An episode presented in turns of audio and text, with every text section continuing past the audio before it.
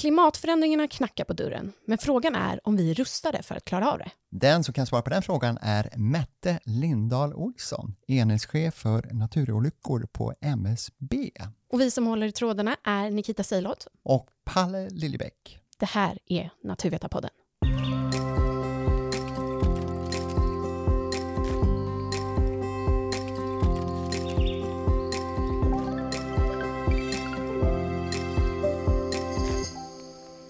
Översvämningar, bränder och torka har vi fått rapporter om allt tätare här under hela sommaren. Och eh, de här kommer att öka enligt experterna. Men är samhället förberett för det här, Mette? Vad säger du? Ja, vi är nog beredda att klara av det vi tidigare har erfarit, men vi har nog inte tagit höjd för framtiden riktigt. Och hur ska vi rusta oss för det då?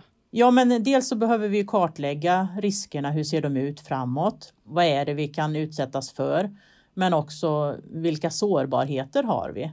Vad i samhället är det som kan skadas till exempel vid översvämningar? Var ligger vår samhällsviktiga verksamhet? Vad är det vi vill skydda och vad är det som hotar? Hur långt har man då kommit i den här kartläggningen och eh, planeringen? Ja, men på vissa områden så har vi kommit ganska långt. Det, det är liksom ingen anledning att vänta med att eh, använda den kunskapen vi har hittills för att titta på åtgärder. När det gäller översvämningar till exempel så har MSB kartlagt ungefär 1000 mil älv eh, och översvämningsrisken ut med vattendrag. De större vattendragen som, där översvämningar skulle kunna få stora konsekvenser. Det har vi ganska bra koll på. Också kartlagt riskerna med havsnivåhöjningar. Men däremot eh, kring skyfall så har vi inte kommit riktigt lika långt och, och alla kommuner har inte skyfallskarteringar och så, så. Så där har MSB ett regeringsuppdrag nu då, som vi jobbar med att ta fram en nationell modell för skyfallskartering. Och kommunerna då, vad kan de jobba med? Så det är väldigt många aktörer som, som behöver delta här. Och det här kan väl bli en ganska dyr historia ja, precis, för kommunerna. Kostsamt. Om inte annat. Ja, just det, precis. Men vad man förstår alltså är det värt att ta den här notan nu, för det kan bli mångdubbelt värre sen om man inte agerar. Är det så? Ja, men så är det både på FN-nivå, EU-nivå och andra forskarinsatser visar att det lönar sig att vidta förebyggande åtgärder. Eh, man brukar säga att det är en utväxling på 1 på 10 eller 1 på 7.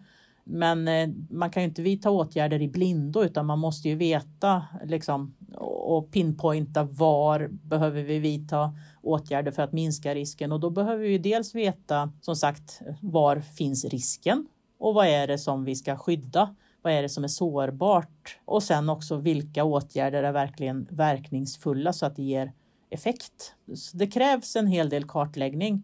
För kommunernas del så, så har man ju redan krav på att eh, man ska ta med riskbilden till exempel i sina översiktsplaner, i sina handlingsprogram enligt lag om skydd mot olyckor för att ha rätt förmåga att kunna hantera om det ändå inträffar och så vidare. Så ja, det ligger ju ganska stort ansvar på kommunen att, att ha koll på sin riskbild för att styra och planera till exempel byggandet. Får man ekonomiskt stöd kring det? För jag tänker det är ändå ett rätt stort ansvar. Och får ni också gehör av alla kommuner att jo, men det här lägger vi med i vår planering? Nej, det är ju en, en uppgift för kommunerna att faktiskt eh, jobba med, med behoven i kommunen och sin planering och att styra byggande och planering och, och allt ifrån dricksvattenhantering, dagvattenhantering och, och kunna erbjuda sina invånare den här servicen. Det finns ett visst klimatanpassningsbidrag som eh, man kan söka från MSB som handlar om att vidta åtgärder för att hindra risker för ras, skred, översvämningar och erosion. Inte för att skydda enskilda bostadshus eller så, utan det är för, för det allmännas intresse eh, att skydda samhällsviktig verksamhet eller om en risk uppströms kan skada flera kommuner eller så. Och det är bara för bebyggda områden, så det är inte i samband med nybyggnation och så, utan där ligger kravet enligt plan och bygglagen att man ska inte bygga eller, eller också ställa särskilda anpassningskrav då man ska bygga i riskområden. Så eh, man kan få bidrag från MSB för vissa åtgärder. Märker du att ni har fått ett annat gehör kring det här arbetet nu efter Hans och efter bränderna på Maui? Och... Ja, eh, egentligen så startade väl det här arbetet på allvar i Sverige med klimat och sårbarhetsutredningen som kom 2007 där man kartlade också riskerna då för, för bland annat rasskred, översvämningar, värmeböljor, skogsbränder och så vidare, men också för livsmedelsförsörjning, dricksvattenförsörjning och, och lite bredare i samhället. Eh, sen eh, har det väl tagit lite grann fart efter eh, olika händelser som har inträffat. Eh, de stora skogsbränderna 2014 och 2018 de eh, utreddes ju framlänges och baklänges och hur samhället hade kunnat hantera dem. Och det ledde ju bland annat till att lagstiftningen, lag om skydd mot olyckor, skärptes ihop lite så att man skulle kunna ha en bättre förmåga att kunna leda stora insatser till exempel. Plan och bygglagen ändrades eh, 2018 och det var ju efter upprepade översvämningar både i Sverige och Europa eh, och där man såg att man behövde ställa krav på att marken faktiskt används på ett sunt sätt och inte att man använder riskområden till sånt som de inte är lämpade för. Eh, andra myndigheter som Trafikverket till exempel jobbar aktivt med de här frågorna också då, för att säkra samhällsviktig verksamhet, både vägar och järnvägar. Men kan man säga, tycker att man kan säga då att, eh, jag tänker på de här riskområdena, vi har ju fått många rapporter om genom åren att eh, kommuner bygger i de här känsliga utsatta områdena ändå. Har det ändrats tycker jag? Jag, tänker till exempel MSB, ni sitter väl där i Karlstad va? I Klarälvsdeltat någonstans vid Vänern. Eh, har ni säkrat era byggnader? Ja, nu var det inte vi som byggde det här huset, men vi kan säga att Karlstad kommun ställde ju krav på för att få exploatera det området där bland annat byggnaden som MSB hyr finns, så ställde man ju vissa krav. Dels på avrinning från området vid skyfall. Man ställde också krav på lägsta grundläggningsnivå för, för byggnaderna. Man har behövt påla och vi får inte ha, ja, det får inte finnas lokaler som människor vistas Eh, Eh, mer stadigvarande i då på bottenplan och sådär. Så det går att exploatera vissa riskutsatta områden men då behöver man ju vidta åtgärder och, och liksom ställa krav så att man inte skapar en större sårbarhet eller risker. Så det går att anpassa sig men till exempel om ett område har hög risk för eh, lerskred, ja men då är de verkligen inte lämpliga att bebygga eller om eh, det finns risk för slamströmmar som, som riskerar att komma rakt ner mot bebyggelse så ja, då behöver man vidta åtgärder. Det låter ju på något sätt som tiden för att leta hus med sjöutsikt är förbi. på något sätt. Ja, du får ju tänka både på hur långt ifrån eh, sjön du letar i så fall, eh, men, men också på hur högt huset ligger. Men eh, också titta på ja, men om det skulle komma ett skyfall då. Var kommer vattnet att ta vägen? Det huset du tittar på, ligger det lågt i förhållande till omgivningen och, och skulle det kunna bli översvämmat Ska man köpa hus så skulle jag uppmana dels att eh, titta in på MSBs översvämningsportal där vi har alla karteringar som vi har gjort både med koppling till de 25 utpekade områdena med betydande översvämningsrisk som vi har pekat ut enligt EUs översvämningsdirektiv. Men också de här 1000 mil älv och, eh, som vi har karterat eh, och också eh, karteringar för havsnivåhöjning. Och där kommer vi också lägga de här skyfallskarteringarna som vi håller på och tar fram. Vi förutsätts ha en karttjänst för det också enligt det här regeringsuppdraget vi håller på med. Så jag skulle nog rekommendera att man tar reda på lite. Kanske hör av sig till försäkringsbolag och så där också innan man, man köper hus. Det kan bli dyrköpt eh, lärdom. Sen eh, vet vi ju att eh, hus med källare, eh, vattnet rinner ju neråt så, så man behöver fundera på om den här källaren också ligger så till så att eh, det skulle kunna bli vattenfylld eller så. Jag tänker på de här reglerna som vi har idag och eh, blickar tillbaka på när Kristianstad byggdes under vattenytan, havs, havsvattenytan. Hade man anlagt den staden idag, då hade kanske Kristianstad inte funnits överhuvudtaget. Eller vad tror du? Nej, det kanske den inte skulle göra för det ligger ju under havsnivån och Kristianstad skyddas ju idag av ett vallsystem och pumpar som man också har sökt bidrag för, från MSB för att eh, kunna ha råd att bygga. Och de har eh, fler ärenden inne hos MSB idag för förebyggande åtgärder mot just översvämning för att eh, bygga på de här vallarna och förbättra dem utifrån nya klimatscenarier det skyddet man byggde för 20 år sedan, det håller inte mot eh, det förändrade klimatet. Så nej, Kristianstad kanske inte skulle ligga där. Göteborg kanske inte, delar av Göteborg kanske inte skulle ligga där det ligger. Delar av Karlstad kanske inte skulle ligga där det ligger. Va, vad finns kvar av Sverige då, höll jag på säga. Du menar de städerna sen? Ja, det är inget mer. Ja, nej men eh, Skanör och Falsterbo skulle kanske inte heller ligga där om man bara tittade på översvämningsrisken. Men eh, tillgången till vatten och hamnar och så har ju också varit väldigt viktigt. Mycket byggde kanske på fiske och, och andra värden som, som fanns då och eh, fortfarande så tycker vi ju att det fint med både den turism som det för med sig och de värdena som det faktiskt är att bo vattennära. Så vi behöver helt enkelt lära oss att leva med risker men göra det på ett medvetet sätt och vidta rätt åtgärder för att inte till exempel översvämningar eller ras och skred eller värmeböljor, skogsbränder ska få så stora konsekvenser.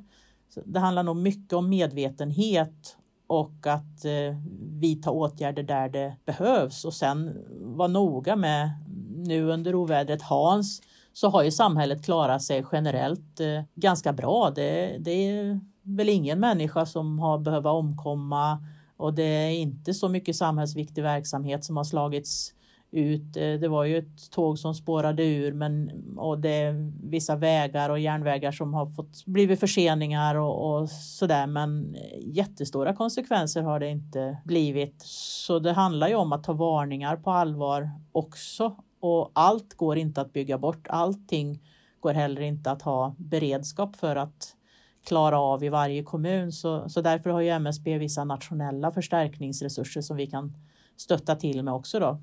Men i grunden så ligger väldigt mycket av ansvaret både på enskilda fastighetsägare och då är det ju inte bara enskilda villaägare utan också fastighetsägare för större bostadsbestånd, eh, skogsägare, lantbrukare och så vidare som väl i sin tur är försäkrade. Va? Och då kan man ju fråga sig om försäkringsbolagen är villiga att eh, fortsätta försäkra dem. Och vad blir premierna?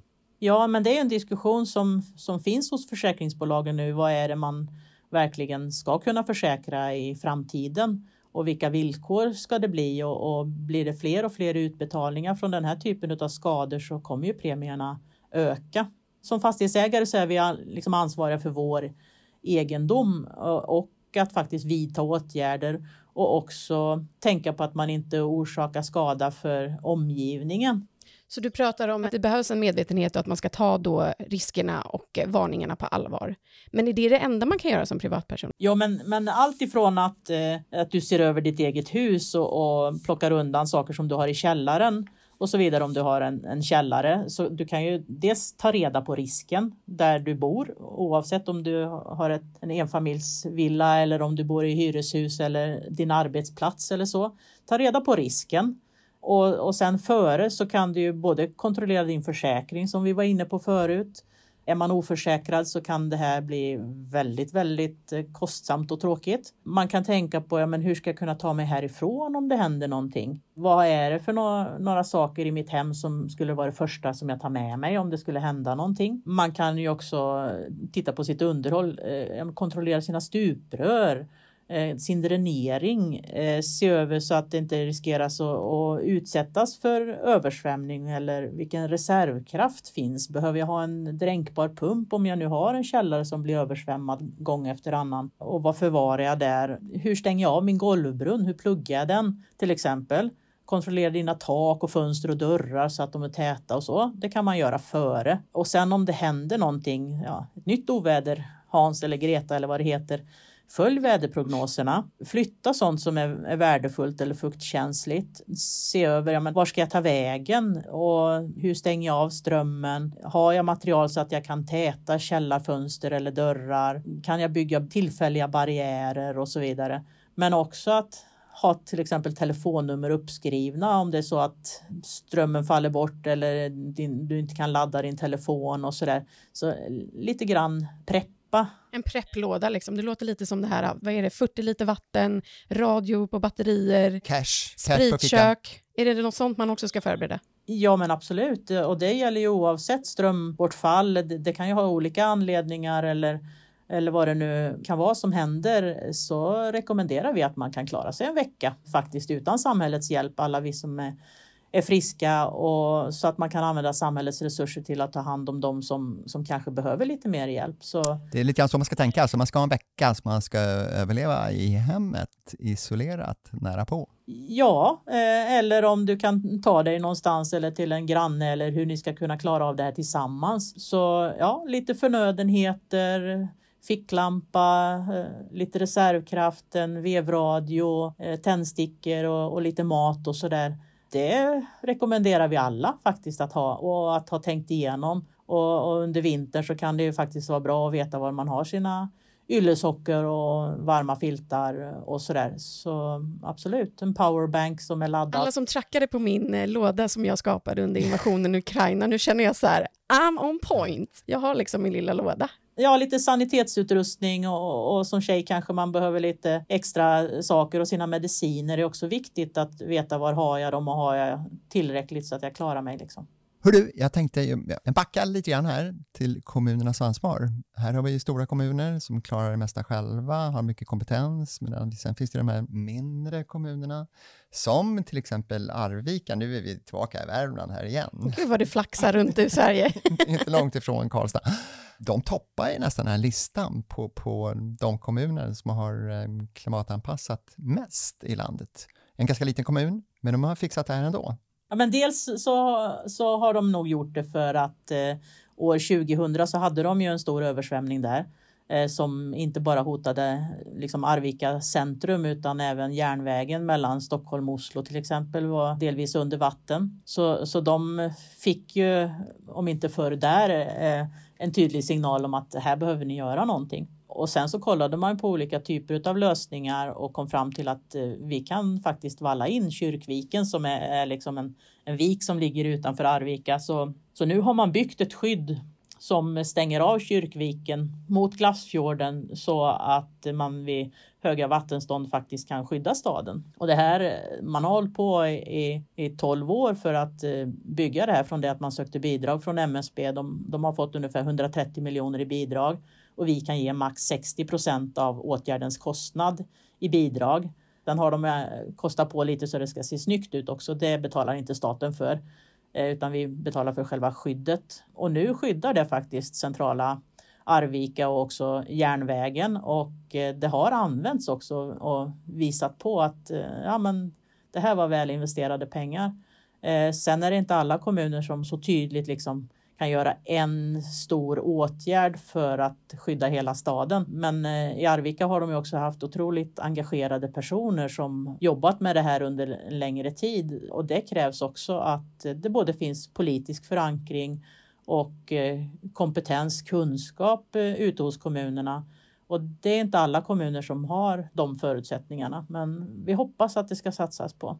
Och samtidigt kan man se då att eh, Arvika ändå med eh, ganska knappa resurser har fixat det här. Så de visar ändå på något sätt att det är möjligt. Ja, och alternativet att låta det översvämma igen skulle kosta bra mycket mer än vad skyddet har kostat. Så, så det är en eh, ren positiv investering som de har gjort. Och vi hoppas ju att fler kommuner kan, kan pinpointa vilka åtgärder de behöver vidta och faktiskt ja, beta av och bygga bort en hel del av riskerna. Men men en del risker går inte att bygga bort och då måste vi ha en tillräcklig förmåga, en, en beredskap både hos allmänhet, frivilligorganisationer, kommuner, myndigheter och sådär att, att kunna hantera de situationerna också och vi kommer få se fler sådana situationer. Vi väntar också på en, en ny nationell klimatanpassningsstrategi som kommer komma här under hösten som vi hoppas eh, kommer också ge stöd i det här arbetet eh, till alla aktörer och som också benar ut lite grann var behöver vi satsa. Är du optimistisk? Alltså känner du så här eh, med handen på hjärtat, kommer Sverige klara det här? Kommer alla kommuner lyssna och kommer vi lyckas ställa om i tid? Eller kommer vi lära oss under tidens gång? Ja, men jag tror att det här är en, en resa som man behöver vara med på. Samhällsutvecklingen, det är ju liksom inget vi kan stoppa eller så. så och en hel del av de här investeringarna som behöver göras, de lämpar sig bäst att göra när man ändå investerar i till exempel nytt dagvattensystem eller man bygger om vägar, broar, järnvägar etablerar nya bostadsområden, då kan man också bygga in skydd för de äldre bostadsområdena som ligger bakom och så. Så det här är ingenting som man gör färdigt på, på några år utan det här är ju en lång resa och en medvetenhet som vi måste ha att, eh, att vi vill skydda samhället. Vi vill inte att funktionaliteten ska gå ner. Vi vill ha ett robust och, och resilient samhälle som fungerar. Det ställer ju till exempel också vårt NATO-medlemskap om vi kommer gå med där. Där ställs det också krav på eh, att eh, Sverige och de som är med har en viss grundläggande resiliens så att inte alla resurser kommer gå till att bara få samhället att fungera. Ja, det, det, här är viktiga frågor men jag har förståelse för att kommunernas budget är, är begränsad och, och återigen, då gäller det ju att verkligen kartlägga sina risker och veta var gör de pengar vi ändå har mest nytta och vilka är de största riskerna i just våran kommun? Och så får man ha en palett av åtgärder som, som man använder sig utav. Ja, men det här vart ju den perfekta avslutningen. Verkligen. Ska säga. Det låter som att eh, Sverige är på gång. Vi är förstås inte riktigt framme, men på god väg. Mette Lindahl Olsson, vi tackar dig så jättemycket för att du ville vara med i Natt-Veta-podden. Ja, men tack så ja. mycket. Och så tycker ja. jag vi ringer Greta och säger att hon inte behöver hälsa på som Hans gjorde.